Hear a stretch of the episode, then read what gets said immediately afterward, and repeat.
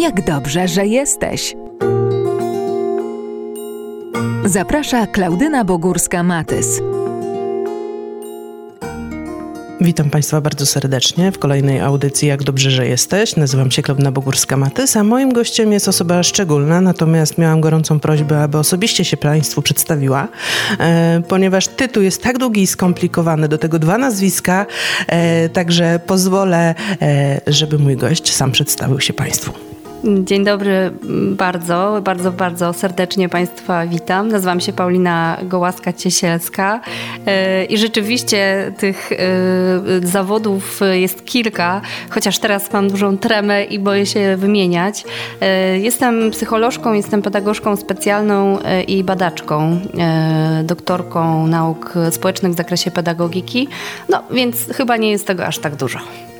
Jest tego całkiem sporo. Ja mogę od razu powiedzieć, że e, z panią Pauliną poznałyśmy się kilka lat temu, kiedy to sama zwróciłam się do niej z prośbą o e, przyjrzenie się mojej młodszej córce Zosi, e, ponieważ było tam podejrzenie autyzmu. Mm, proszę powiedzieć, pani Paulino, ile takich dzieci przychodzi do Pani do gabinetu, ile takich rodziców przychodzi właśnie z takim, nie wiem, podejrzeniem, czy z jakimiś takimi problemami i chcą te wątpliwości u Pani rozwiać? No, w tej chwili coraz więcej. Y, myślę, że to też jest związane z tym, że od tych y, kilku lat, jak się znamy, y, to ten nasz gabinet się trochę rozrósł i mamy teraz dużo więcej możliwości, żeby przyjmować rodziny. Natomiast pewnie też niezależnie od naszych tutaj działań i rozwoju, ta potrzeba jest coraz większa. Więc no, myślę, że w tej chwili mamy pod opieką kilkadziesiąt rodzin i ta potrzeba cały czas jest. Cały czas jest taka, taka chęć ze strony rodziców. Właśnie mówi Pani tutaj o rodzinie. Kto powinien się zgłosić na przykład do, do Pani, do gabinetu, tutaj do Was, do fundacji? E, co powinno nas e, zaniepokoić? W moim przypadku było to tak, że neurologopeda e, zwróciła uwagę, że jest pewien problem u Zosi. Na szczęście później u Pani w gabinecie się okazało, że tego problemu aż tak dużego nie ma. Co zatem rodzice powinni wychwycić i w jakim wieku powinni coś wyłapywać?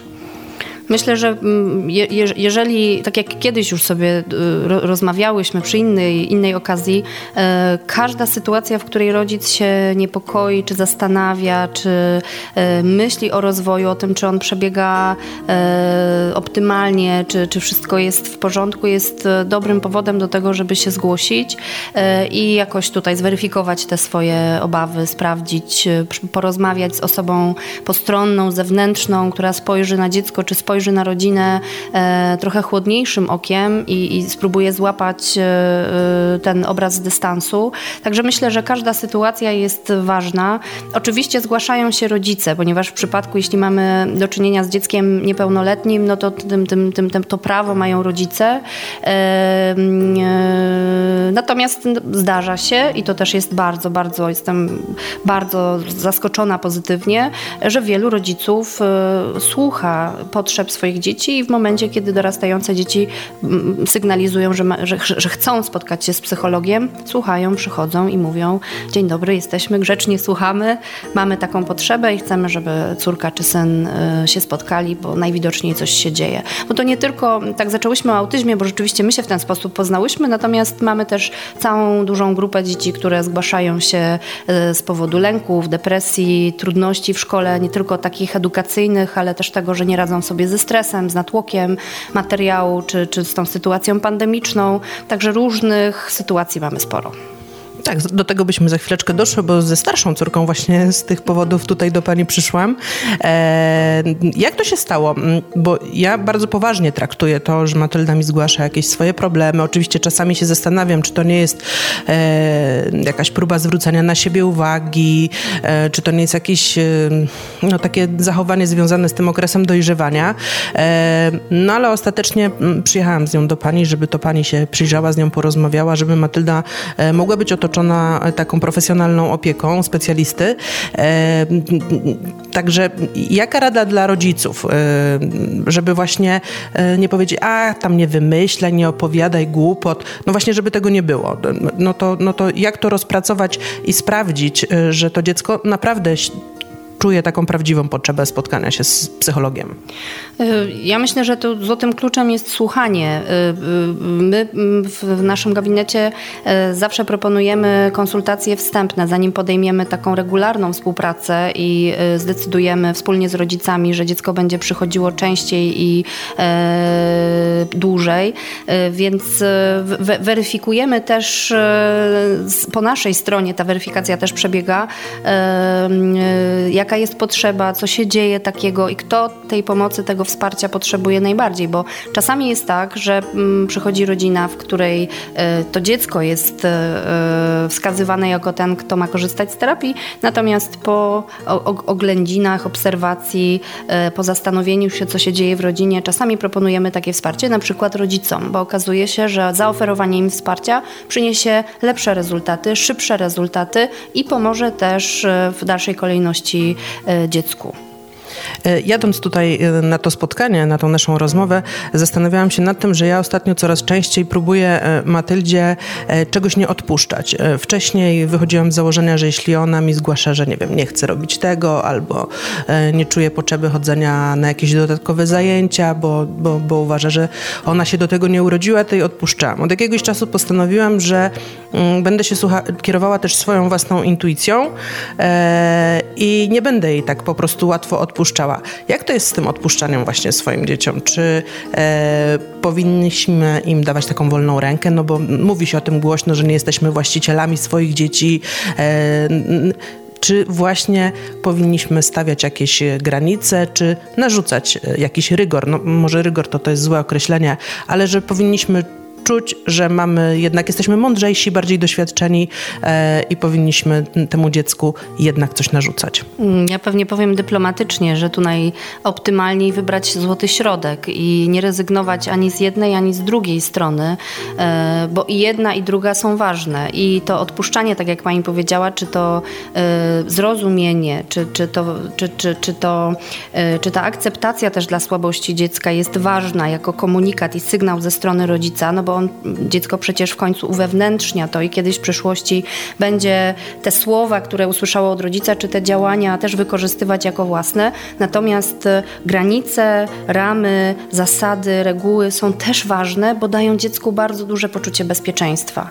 I yy, nie, nie ma wychowania bez ram i bez granic, co nie oznacza, że muszą one być e, jakieś niesamowicie radykalne, czy oczywiście nie oznacza to, że mają być przemocowe. Natomiast ramy ramy i granice wcale nie muszą być krzywdzące, przemocowe, czy kojarzyć się nam z czymś złym. Nie? Bo też mam takie wrażenie, że niekiedy one są trochę demonizowane, że tak odchodzimy od tego, tego, tego no, rygor, ja akurat nie lubię tego słowa, natomiast y, jakoś za, zaczynamy bać się nadawać te ramy, a uważam, że dla y, zachowania zdrowia psychicznego dziecka i dla takiego poczucia jego bezpieczeństwa jest to y, niezwykle ważne. Natomiast spodobało mi się bardzo to, co Pani powiedziała i myślę, że to też jest Y, wartościowe, żeby podkreślić, że y, jest też równie ważne, żeby słuchać swojej intuicji jako rodzic, y, bo mamy w tej chwili bardzo dużo poradników, pomysłów, wskazówek na to, jak wychowywać i wielu rodziców gubi ten swój wewnętrzny głos i taką refleksję,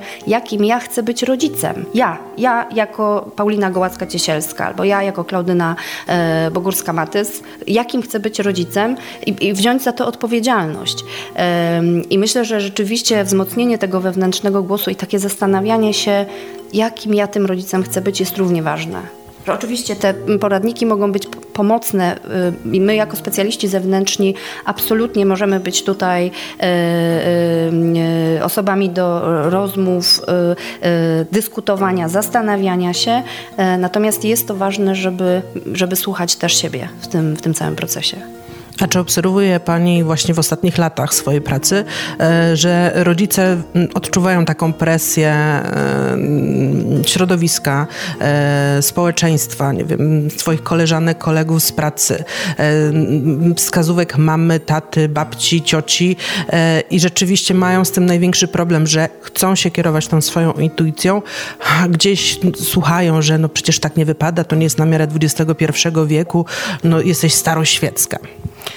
Na przykład, albo że tak się nie robiło, albo tak się nie, nie robi. Kiedyś robiliśmy zupełnie inaczej. No różne są te głosy, ale tak, tak, to jest silny wpływ i on pojawia się niezależnie od tego, czy u dziecka się jakieś trudności pojawiają, czy, czy nie pojawiają, czy jakieś odmienności pojawiają, czy nie pojawiają. Nie zawsze to muszą być trudności. Może być dziecko, które po prostu inaczej funkcjonuje, czy y, inaczej, y, inaczej y, świat przeżywa i doświadcza. E, chociaż mam wrażenie, że w sytuacji, kiedy te odmienności czy trudności się pojawiają, te głosy zewnętrzne jeszcze się nasilają, bo się pojawiają osoby, które chcą, no oczywiście często w dobrej wierze, doradzić, podpowiedzieć, wyręczyć. E, pojawia się dużo, dużo lęku, dużo obaw i, i to rzeczywiście staje się jeszcze bardziej skomplikowane. Także tak, zgodzę się, zgodzę się zdecydowanie. Jeszcze bardziej skomplikowane robi się wtedy, kiedy e, nie przyjmujemy tych złotych rad, ponieważ właśnie kierujemy się tą swoją intuicją, znamy siebie, swoje dziecko lepiej. Ale właśnie, to, to, to, jak to robić? Dzielić się tymi problemami z innymi, szukać jakichś informacji u rodziców, u koleżanek, przyjaciółek, e, czy nie? Czy właśnie, bo pokazuje już mi tutaj pani, e, że jednak słuchać swojego serca, tak? Słuchać siebie. Słuchać siebie, słuchać swojego serca, co też nie oznacza zamykania się na innych innych, choć e, raczej byłabym ostrożna w tym, przed kim się otwieramy, bo jeśli mamy takie doświadczenia, że już kilka razy, czy nawet wielokrotnie my się otworzyliśmy, a z tej drugiej strony dostaliśmy po głowie, czy dostaliśmy taki komunikat, który raczej nas zmroził, czy był jak strzał, niż był jakąś pomocą i wsparciem, no to jest prawdopodobne, że to się znowu stanie. Nie? I to niestety w różnych relacjach tak się pojawia. To może być relacja z koleżanką, to może być relacja z rodzicem, to może być relacja z teściową, z teściem, y, gdzie czujemy, że to, to otwieranie się no, nie przynosi nam raczej pożytku, co, co więcej cierpienia i szkody. Nie? Więc pewnie bym uważała na to, z kim w taką relację wchodzimy. Właśnie, nazwa waszej fundacji to Relacyjni i o tych relacjach e, jeszcze porozmawiamy. Jak, jak młodzież, dzieci wpływają na siebie nawzajem, albo jak pani obserwuje te zmiany w ostatnich latach? Z czym najwięcej mają problemów, nie wiem, młodsze dzieci i, i nastolatkowie? Jakby pani to mogła jakoś e, podzielić się tym, co pani bada, obserwuje? Hmm, to ciekawe pytanie, bo tak jak do nastolatków chyba nie mam wątpliwości, że e, no, i to pewnie nie jest nic zaskakującego. To są relacje i to jest radzenie sobie ze stresem szkolnym, ze stresem edukacyjnym. E, chociaż te relacje w, te, w tej chwili chyba z, z, gdzieś na pierwszy plan mam wrażenie e, wychodzą, chociaż może to też być nasze skrzywienie ze względu właśnie na to, że, że ten obszar jest dla nas tak bardzo ważny. E, ale coraz więcej mamy dzieciaków, które rzeczywiście mają Y, przeżywają dużo smutku, dużo cierpienia ze względu na to, że bardzo chciałyby nawiązywać bliskie relacje, a tego nie potrafią, e, a nie mają tego, e, a nie doświadczają tego w szkole czy, czy w jakichś grupach rówieśniczych. Także to są rzeczywiście, e, jest to, jest to, jest to jakaś, jakieś zjawisko ostatnich, ostatnich miesięcy czy, czy ostatniego czasu. Być może to jest też związane z pandemią, no bo ona jednak nas mocno zdystansowała, tak nawet dość konkretnie nie? W, tym, w tym kontakcie bezpośrednim. E, natomiast jeśli chodzi o maluchy, e, mm, nie wiem, czy jest coś takiego jakaś jedna, wydaje mi się, ale to jest y, też dyskusyjna pewnie taka opinia, y, że y, co, coraz więcej, w coraz większej grupie maluchów pojawiają się różnego rodzaju trudności rozwojowe czy odmienności rozwojowe. Czyli nie same dzieciaki przeżywają jakiś konkretny problem, natomiast w rozwoju dzieje się coś takiego, co wymaga interwencji zewnętrznej nie? i wsparcia specjalisty z zewnątrz. Tak, no to tak, ja mogę potwierdzić, że tak oczywiście jest, ponieważ od kilku lat tak pracuję z moją młodszą córką. E, wracam, ostatnio właśnie się zastanawiałam, bo widziałam taki fajny mem, czy to był demotywator, już nie pamiętam, że nikt nie zna e, porządnej dawki adrenaliny, kto nie dopisywał e, oceny w dzienniku. I tak sobie pomyślałam, że rzeczywiście ta mm, moja szkoła, chociaż Matylda, moja córka starsza, chodzi dokładnie do tej samej szkoły, do której ja chodziłem, no wyglądała zupełnie inaczej niż dzisiaj wygląda jej szkoła. Jest oczywiście wiele pozytywnych zmian, ale tak sobie pomyślałam, że ta technologia, która nas tak otacza, czyli ten Librus, to, że e, ona dostaje lufę, chociaż nie dostaje luf, ale dobra, niech dostaje jakąś słabszą ocenę, czy dostanie na przykład naganę i ja to wiem, zanim ona jeszcze wróci do domu. Czy to też właśnie nie wprowadza te dzieciaki w taki dodatkowy stres, że No, no nie można na przykład załatwić, że mama się dowie, że owszem, była słaba ocena, ale zdążyłem ją poprawić i mama się dowiaduje o tym później, jak już jest okay, można negocjować, można rozmawiać. Po prostu ja to wiem szybciej od niej czasami, e, że ona dostała złą ocenę, tak? Bo na przykład nauczyciel wprowadzi tą ocenę w weekend i ja to widzę u siebie na telefonie. Oczywiście jest rozmowa, nie wiem, czy jakieś krzyki, no to może już mniej. Bardziej moja córka krzyczy, no bo jest w tym okresie, że, że potrafi krzyczeć. E, czy to też właśnie dodatkowo ich jakoś nie stresuje? to, że naprawdę to tempo e, życia, nauki, tych relacji no jest takie szybkie, takie inne niż za naszych czasów. Ja, żeby kiedyś porozmawiać z moją koleżanką z klasy, to musiałam zadzwonić na stacjonarny numer telefonu, grzecznie się przedstawić rodzicom, e, zastać ją w domu, zadzwonić o odpowiedniej, e, zadzwonić o odpowiedniej godzinie, a dzisiaj te dzieciaki są 24 godziny na dobę tak naprawdę popodłączane pod te wszystkie komunikatory, pod te wszystkie jakieś aplikacje, które są związane właśnie z tym życiem szkolnym, to chyba, to chyba jest złe. Pewnie będziemy w stanie powiedzieć za kilka, kilkanaście, może kilkadziesiąt lat, jakie były skutki tego, co się e, teraz e, dzieje. Ja mm, jakoś e, zawsze staram się zachować taką neutralność, zanim ocenię coś, co się dzieje. Natomiast wydaje mi się, że to tempo jest bardzo mocno dostrzegalne i bardzo mocno odczuwane też przez dzieciaki. Ja kiedyś znowu myślałam, że to jest tak, że jak się człowiek e, starzeje i jak dojrzewa, to to tempo przyspiesza. Myślałam, że jak się jest dzieckiem, to rzeczywiście ten czas płynie wolniej i im się jest starszym, tym płynie szybciej. Natomiast mam teraz wrażenie, że wcale tak nie jest, że to tempo, w którym my jesteśmy, dokładnie w takim samym stopniu dotyczy też, dotyka też dzieciaki. I to jest przerażające, bo jak słucham szósto, siódmo, ośmioklasistów, którzy mówią, że mamy lekcje od siódmej do szesnastej, a potem przychodzę i jestem do dwudziestej, do dwudziestej pierwszej e, odrabiam, a potem jeszcze coś robię, a potem jeszcze coś robię i tak przez cały tydzień, to jest to dla mnie trochę zastanawiające, czasami nawet przerażające. Z drugiej strony to też jest niesamowite, że mamy dzieciaki podłączone 24 godziny pod właśnie komunikatory, które przychodzą i mówią, czuję się samotny. Nie? nie mam bliskich kolegów i koleżanek, nie mam z kim porozmawiać na ważne dla mnie tematy. Naparzają w te swoje tam League of Legends czy e, Fortnite i tak dalej, i tak dalej. Natomiast chyba brakuje trochę takiego miejsca na spokojne pobycie, e, na spokojną rozmowę. Może właśnie dlatego, że to tempo, ta stymulacja cały czas, cały czas, cały czas jest tak, e, jest tak ogromna. Więc ja patrzę trochę z niepokojem, staram się dostrzegać też y, jakieś pozytywne strony te, tego, co się dzieje. My nie wiemy, w jakiej przyszłości przyjdzie żyć dzieciakom. Być może to, czego teraz doświadczają, przygotuje ich do czegoś, czego my nie, nie, jesteśmy sobie jeszcze w stanie wyobrazić. Nie? Że ta rzeczywistość ich zawodowa będzie zupełnie inna niż nasza i oni w tej chwili się tego uczą. Pewnie tak będzie, więc myślę, że jest w tym coś dobrego, natomiast rzeczywiście y, jest na pewno dużo negatywnych konsekwencji tego, co się dzieje. To ja sobie nie potrafię wyobrazić, jak oni będą zmęczeni w moim wieku, bo jeśli dalej będą mieli takie tempo, to naprawdę może w wieku 40 lat będą przechodzili e, na jakieś e, emerytury. E, proszę tak jeszcze się podzielić tym, co robicie u siebie tutaj w fundacji. Ilu specjalistów tutaj pracuje z, z rodzinami? W tej chwili y, mamy, no tak, mamy Fundację Relacyjni i Centrum Wspierania Relacji. Y, mamy bardzo, bardzo ciepłe i przyjazne wnętrza, które cały czas tutaj przygotowujemy, żeby rzeczywiście czuć się z jednej strony domowo, a też z drugiej strony, żeby to były merytoryczne i takie konkretne, dobre też, jeśli chodzi o jakość pracy spotkania. W tej chwili mamy chyba siedmiu siedmiu czy ośmiu specjalistów, którzy pracują z dorosłymi dziećmi i młodzieżą.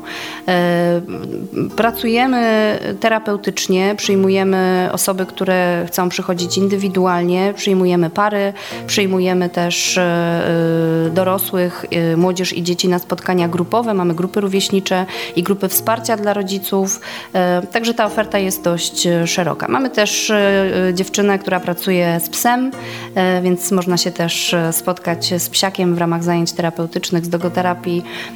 Także, y, tak jak mówię, ta oferta jest dość, dość szeroka. E, mówił Pani tutaj, że pracujecie w tych grupach rówieśniczych. E, już na tyle długo to stosujecie, że możecie zaobserwować, jaki to ma pozytywny wpływ, wpływ na te dzieciaki? E, tutaj w samym centrum, w tym miejscu, w którym jesteśmy, nie pracujemy długo, bo jesteśmy od września, także to nie jest długi czas. Natomiast sam koncept grup rówieśniczych to już jest rzeczywiście spora, spora historia, więc jeste, jesteśmy przekonani o tym, że to działa i że to przynosi dobre rezultaty, szczególnie właśnie w sytuacji, kiedy Mamy dzieciaki, które są e, trochę zamknięte, trochę wycofane, albo takie, które przychodzą i mówią: Brakuje mi bliskich relacji z kolegami, z koleżankami. E, nie stosujemy jakiejś bardzo skomplikowanej metodyki pracy podczas tych spotkań. Bardziej zależy nam na tym, żeby dzieciaki się ze sobą oswajały e, i żeby się ze sobą dobrze bawiły, żeby wchodziły ze sobą w relacje i te relacje budowały i ugruntowały. Na pewno przynosi to im bardzo dużo radości. Zawsze mamy jakieś jakiś taki pozytywny feedback po tych spotkaniach, że chłopacy, myślę sobie o tej grupie takiej właśnie nastolatkowej dla chłopaków, że chłopacy, którzy e, z pozoru czy, czy na, pierwszy, e, na pierwszy rzut oka są bardzo cisi i bardzo wycofani, zaczynają nam sypać żartami jak z rękawa, e, więc to jest dobry, dobry, dobry sygnał, dobry symptom i myślę, że to w dobrym kierunku idzie. A jeśli mamy dziecko, które też byśmy chcieli, żeby należało do takiej grupy, to e, jakie są po kolei kroki, żeby się do takiej grupy dostać? Czy Państwo też musicie mm, się spotkać z rodzicami, zrobić tą wstępną diagnozę, tak? Tak, tak, tak. E, no bardzo e, ostrożnie dobieramy dzieci do grupy, no bo większość z tych, które u nas są, e, no mają swoje jakieś trudności, jakieś swoje wyzwania, więc żeby zadbać o komfort każdego z nich i żeby mieć pewność, że E, ten dobór grupy będzie odpowiedni, to rzeczywiście nie przyjmujemy nikogo, że tak powiem, z biegu, e, tylko raczej osoby, które, czy rodziny, które już e, znamy, przynajmniej po takiej wstępnej diagnozie, po takich spotkaniach. Diagnozie myślę o nie stawianiu jakiejś konkretnej rozpoznania, nie wiem, jakiejś jednostki chorobowej, czy jakiejś, jakiejś etykiety, natomiast rozpoznania, co się dzieje w rodzinie. Bardziej myślę o takich spotkaniach wstępnych, kiedy możemy poznać trochę rodzinę, zobaczyć, gdzie jakaś trudność się pojawia, z czym się rodzina mierzy, poznać dziecko, zobaczyć jak ono reaguje i pomyśleć sobie, czy do tej grupy, która w tej chwili jest, e, czy, czy z tymi dziećmi, które w tej chwili mamy, możemy stworzyć taką grupę, w której ono się będzie czuło dobrze i inne dzieci z nim się będą czuły dobrze. No bo to są takie dwa, dwa podstawowe warunki. Jak duże są takie grupy? E, do pięciu, sześciu osób. To nie są duże grupy, e, no bo też im większa grupa, tym trudniej zapanować, że tak powiem, nad tym, co się dzieje, a no jednak taka duża uważność, czujność e, jest dla nas bardzo ważna, żeby patrzeć na to, jak dzieciaki sobie w tych relacjach radzą i żeby nam nie umknęło coś, co, co, co może dziać się nieoptymalnego nie? na tych spotkaniach. I te spotkania są raz w tygodniu? Raz na dwa tygodnie. Raz na dwa tygodnie i około półtorej godziny e, trwają. I rozumiem, że w tej grupie jest się przez cały, nie wiem, rok szkolny, czy tak naprawdę tak długo, aż, e, aż ktoś e, nie dojdzie do wniosku, że już, już się czuje dobrze. Tak, tak, tak. To raczej umawiamy się na rok szkolny. Tak jak podejmujemy regularną współpracę z e, dzieckiem i jego rodziną, to zwykle umawiamy się na taki czas roku szkolnego, aczkolwiek w każdym momencie e, oczywiście może rodzina zrezygnować, czy, czy możemy uznać, że te spotkania nie są już potrzebne, e, czy, czy że chcemy przejść na przykład na spotkania jednak indywidualne albo z indywidualnych na grupowe. Natomiast to, co jest istotne i bardzo o to dbamy, to żeby było to wszystko e, zaplanowane i przeprowadzone z uprzedzeniem dziecka, z uprzedzeniem rodziny, żeby nie było to e, w żaden sposób urwane, no bo skoro budujemy bliskie relacje, to każdorazowe takie urwanie no, może być trudne i dla samego dziecka, czasami też dla terapeuty, dla innych dzieci z grupy, jeżeli to są spotkania grupowe. Także oczywiście tak, natomiast staramy się, żeby to było na spokojnie powoli, po przedyskutowaniu, przeanalizowaniu i podjęciu wspólnej decyzji. To ile teraz takich dzieciaków macie pod, y, pod swoją opieką, łącznie w tych wszystkich grupach i na tych indywidualnych terapiach? Jest Pani w stanie podać taką liczbę? No właśnie, wydaje mi się, że około kilkadziesiąt rodzin jest w tej chwili pod opieką naszą. To trudno też tak zliczyć, dlatego że yy, myślę o rodzinach pod opieką i zarówno takich właśnie, które przychodzą regularnie, tydzień w tydzień, w danej godzinie, mają spotkania, czy to yy, rodzice z dziećmi, czy sami rodzice, czy same dzieciaki. Yy, myślę też o tych rodzicach, którzy korzystają na przykład ze spotkań grupy grupy wsparcia. Myślę o tych dzieciakach, którzy, które chodzą na spotkania grup rówieśniczych, a mamy też taką grupę rodzin, które są z nami w kontakcie doraźnym, czyli pojawiają się, tam jakiś problem rozwiązujemy, po czym żyją swoim życiem i za jakiś czas do nas wracają, natomiast jesteśmy w jakimś takim może nieco dalszym, ale stałym kontakcie. Na początku mówiła Pani, że przychodzą tutaj rodziny, rodzice z dziećmi e, i po Waszym bliższym zapoznaniu mm, dochodzicie do tego, że to rodzice potrzebują pomocy. Z jakimi problemami najczęściej się Pani spotyka wśród y, rodziców, właśnie wśród osób dorosłych? E, na co otwieracie im oczy? E, co im pokazujecie, że nie wiem, czy mogę tak nazwać, że robią coś nie tak, czy źle? Co ich zaskakuje, że rzeczywiście wystarczyło coś zmienić? I od razu jest lepiej w rodzinie? O, to też dość trudne pytanie. Nie wiem, czy znajdę takie, takie złote wskazówki i przykłady e, tak, tak spektakularnych rozwiązań. Natomiast pomyślałam sobie, jak pani zadawała pytania o tym, że bardzo dużo zgłasza się do nas rodziców, e, którzy są e, w separacji albo w relacji, których pojawia się dużo konfliktów. Mamy dziewczynę, panią Justynę, która pracuje z parami, zajmuje się terapią par, także mamy też na miejscu specjalistkę, która, która w tej sytuacji rodziców e, zaprasza i nad tym konfliktem między nimi pracuje. E, mamy rodziny, które się po rozwodzie zgłaszają i to też jest trudna sytuacja zarówno dla rodziców, jak i dziecka i proszą o to, żeby zaopiekować się dzieckiem, e, no wiadomo, w sytuacji bardzo dużego dla niego stresu, żeby też dodatkowo jeszcze jakoś zadbać o, o jego komfort psychiczny.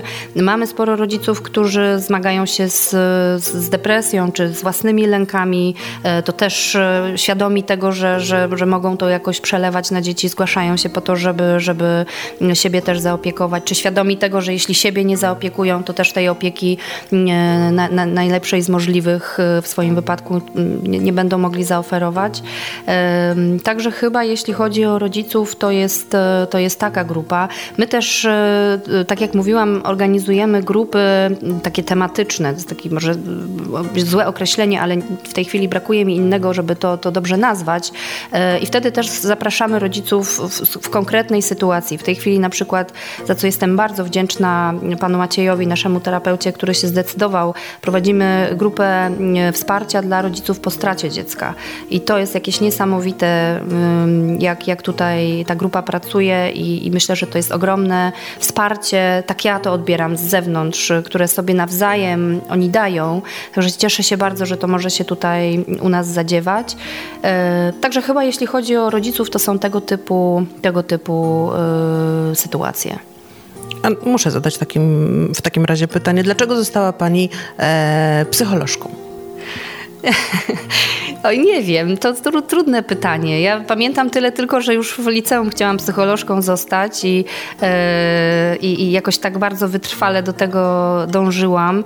Yy, moi rodzice się śmieją, że to już od, od, dziecka miałam we krwi, bo zawsze wyłapywałam yy, jakichś potrzebujących ludzi. To tak może, nie chcę, żeby to tak wielkościowo jakoś ani tak dramatycznie zabrzmiało, natomiast ja to też pamiętam, że jakoś zawsze mnie ciekawili ludzie, którzy coś przeżywają, czy, czy jakoś też chyba tak ze względu na swoją wrażliwość wyłapywałam jakoś tych, którzy miałam wrażenie, że, że są jakoś bardziej smutni, czy jakieś, jakieś cierpienie im towarzyszy i, i, i tak, to, tak, to, tak to było. Chyba ze względu na, na swoją dużą wrażliwość, która ma swoje jasne i ciemne strony.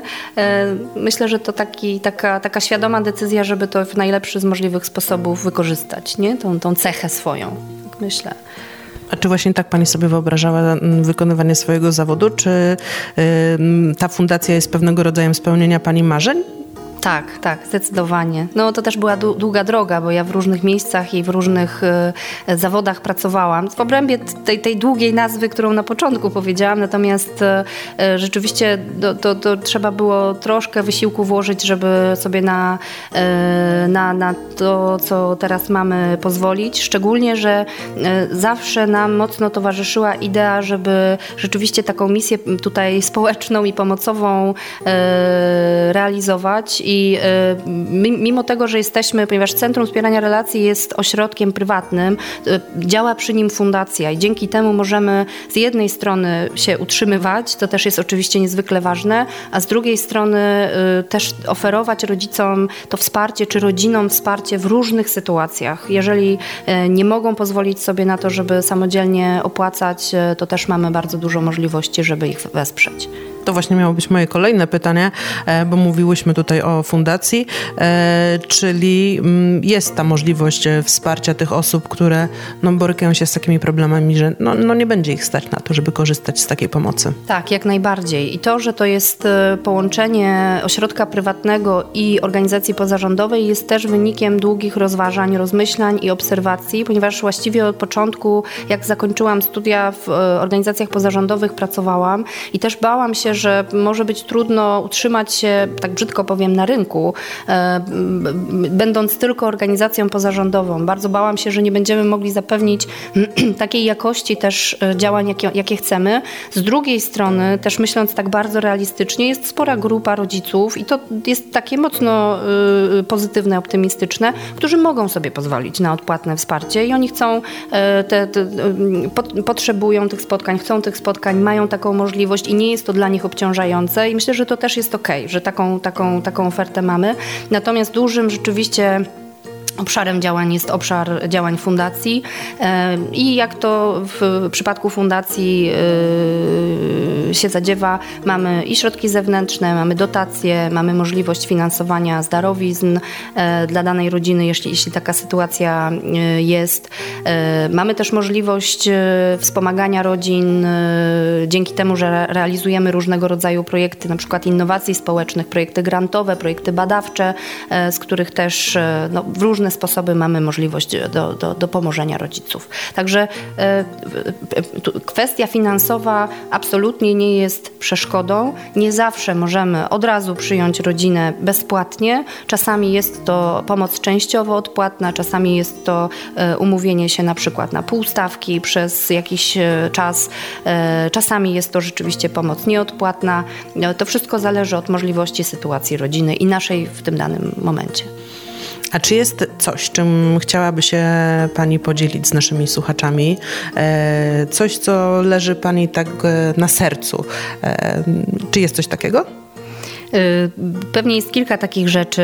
Mm, pierwsza, która przychodzi mi do głowy, to taka, żeby nie bać się psychologów i, i psycholożek, y, i terapeutów, i terapeutek, y, bo mam wrażenie, że jeszcze czasami taka, taka, taka woalka i otoczka, trochę tajemnicy, trochę wstydu, trochę skrępowania towarzyszy tym spotkaniom, co absolutnie myślę jest nieuzasadnione w takim sensie, że raczej myślę, że jest to powód do dumy i powód do, do myślenia o tym, że jest się rozsądnym, refleksyjnym, uważnym i czujnym, gdy wyłapujemy jakąś taką, i też troskliwym, gdy wyłapujemy jakąś trudność i chcemy mm, się nią zaopiekować, niż powód do jakiegokolwiek y, wstydu, czy, czy, czy, czy strachu, czy, czy obaw. Nam bardzo zależy na tym, żeby promować taki ludzki obraz psychologa jako osoby, która wchodzi w kontakt bliski, w kontakt kontakt ciepły, w kontakt życzliwy, w kontakt taki bardzo swojski e, i, i mam nadzieję, że, że, że, że nam się to udaje. E, I druga rzecz, która też mi mocno leży na sercu, która jest związana z tym pierwszym tematem, z tą pierwszą kwestią, to taka, żeby e, unikać mówienia dzieciakom nawet w silnych emocjach. Ja wiem, że czasami trudno nad tym, nad tym zapanować, ale to rzeczywiście robi trochę niedobrą robotę dla nas i dużo dłużej musimy z tym jakoś pracować, żeby dobrze zacząć, żeby nie straszyć dzieciaków, że się je wyśle do psychologa. E, nawet jak e, naprawdę jesteśmy wkurzeni i naprawdę mamy wrażenie, że te dzieciaki nasze w cudzysłowie świrują, e, to, to żeby unikać, bo kiedy zdarza się taka sytuacja, że rzeczywiście chcemy z tej pomocy skorzystać, to może być tak, że w przypadku dziecka będzie duży opór, niechęć i raczej kojarzenie te, tego z karą niż pomocą i taką chęcią wsparcia. Więc rzeczywiście trzeba się potem nagimnastykować i kilka więcej więcej spotkań zorganizować, żeby ten dzieciak się przekonał, że to, ten, ten psycholog straszny, który mnie straszyli, wcale nie jest taki straszny, tylko że jest całkiem fajnie i że można zrzucić z siebie ciężar, albo można fajnie się pobawić i wychodzi się nieco lżejszym niż się weszło. E, właśnie o to chciałam zapytać, czy to się zmieniło, bo odnoszę wrażenie, że łatwiej się mówi o tym, że korzysta się z pomocy psychologa, czy nawet psychiatry w tej chwili także. E, no bo czasami mówię tu o osobach dorosłych, no po prostu e, trzeba połączyć jedno z drugim, mm, nierzadko. Właśnie, a z jakimi wy jeszcze specjalistami współpracujecie, oprócz psychologów, których, terapeutów, których macie tutaj na miejscu u siebie, to jeszcze macie jakieś zaprzyjaźnione innych specjalistów, którzy mm, pomagają Wam mm, postawić jakąś diagnozę, czy pomóc rozwiązać jakąś, nie wiem, zagadkę.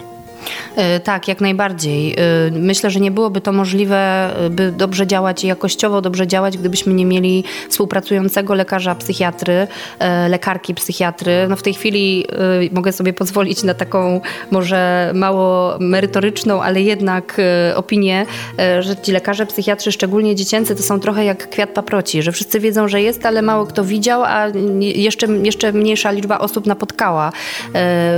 To jest zdecydowanie bardzo potrzebna, potrzebna profesja i my mamy to szczęście, że mamy y, w bliskiej współpracy dr Barbarę Barteczkę-Ekert z gabinetów Aspekt na Garbarach.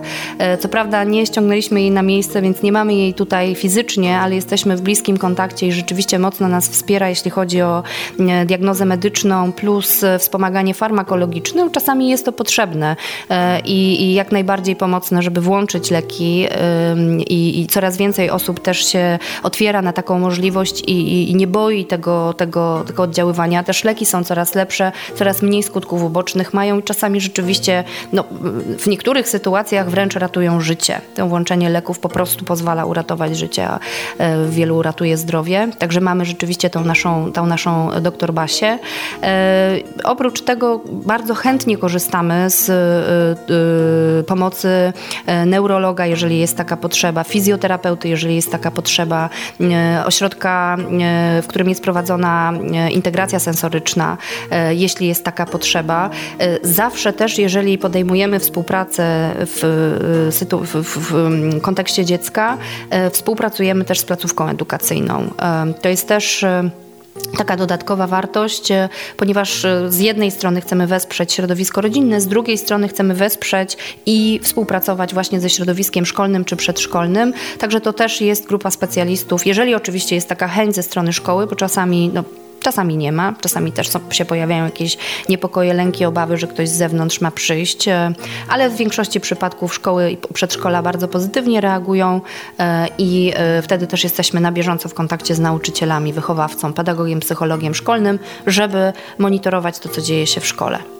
Czy ja dobrze zrozumiałam, bo całkiem niedawno miałam taką rozmowę ze swoimi przyjaciółkami właśnie o, o psychologach dziecięcych, o psychiatrii dziecięcej. E, wiadomo, że praca z psychologiem jest e, dłuższa. Mm, te leki czasami potrafią zadziałać trochę wcześniej. E, czy ja dobrze rozumiem, że są dzieciaki, które też wymagają rzeczywiście tego, e, aby przyjmować lekarstwa, żeby, żeby ich stan się poprawił? Tak, tak, zdecydowanie. No, jeśli mamy e, do czynienia z jakimś poważnym kryzysem, czy, czy poważnym e, napięciem, czy poważnym stanem, to tak jak, e, tak jak Pani powiedziała, ta terapia psychologiczna, psychoterapia często przynosi skutki po jakimś czasie, natomiast leki dużo wcześniej, więc jeśli musimy szybko zadziałać w ostrym kryzysie, no to uważam, że bardzo racjonalne jest połączyć te dwa oddziaływania, włączyć leki, ustabilizować trochę farmakologicznie e, e, dziecko e, i tym oddziaływaniem terapeutycznym terapeutycznym, psychologicznym, psychoterapeutycznym e, ten stan poprawiać i e, działać na dłuższą metę. Potem oczywiście można próbować z leków schodzić, no bo leki też nie są czymś, co, e, co mamy przyjmować przez całe życie. Także rzeczywiście ja to tak sobie wyobrażam, że jest włączenie leków w sytuacjach ostrych, włączenie oddziaływania psychologicznego czy psychoterapeutycznego. Mamy przez jakiś czas równolegle prowadzone te działania, po czym próbujemy dzięki pracy psychologicznej, psychoterapeutycznej wycofywać leki, zostać tylko przy tej pracy no i potem kończyć też terapię. To to jest bardzo ciekawe i wychodzi na to, że ja miałam rację, bo ja dokładnie e, tak samo to sobie wyobrażałam. Także bardzo dziękuję za to, że moje przyjaciółki, które teraz słuchają na pewno tej naszej rozmowy, no, no co wam powiem dziewczyny, miałam rację. Poważny temat, także trochę się śmiejemy, ale rzeczywiście poważny temat.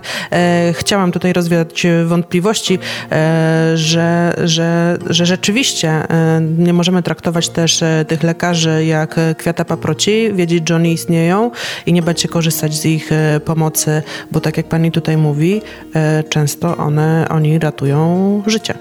Jak najbardziej, jak najbardziej. O tym ja też kilka lat temu dość sceptycznie podchodziłam do leków, w szczególności w przypadku dzieci, natomiast e, znów i doświadczenie takie w pracy zawodowej i różne doświadczenia osobiste mocno mnie przekonały, że w wielu przypadkach rzeczywiście to jest ratowanie życia i, i nie, nie, nie, niepodważalnie potrzebne wsparcie. O tym kwiatu, kwiacie, kwiecie paproci mówiłam w kontekście takim, e, o czym też dobrze wiemy, że tych lekarzy jest po prostu niezwykle mało. Potrzeba jest ogromna e, i znalezienie terminu, szczególnie w sytuacji takiego nagłego kryzysu, e, nawet u lekarza prywatnie, no jest czasami po prostu trudne. Nie? Także bardzo się cieszę jak doktor Basia nas słucha, to bardzo, bardzo, bardzo dziękuję za jej pomoc. A ja się bardzo cieszę, że też się dowiedziałam o pani e, doktor Barbarze.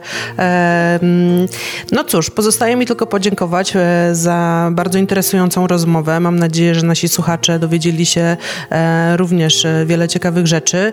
Mm, nie bójmy się, nie bójmy się rozmawiać, umawiać na spotkania do psychologa. Mm, korzystajmy z tego, że można wziąć udział w takich terapiach indywidualnych czy grupowych. Warto szukać e, pomocy, działać i robić wszystko, żeby pomóc sobie, swojej rodzinie i swoim dzieciom. Bardzo Pani dziękuję za rozmowę. Dziękuję bardzo. Jak dobrze, że jesteś.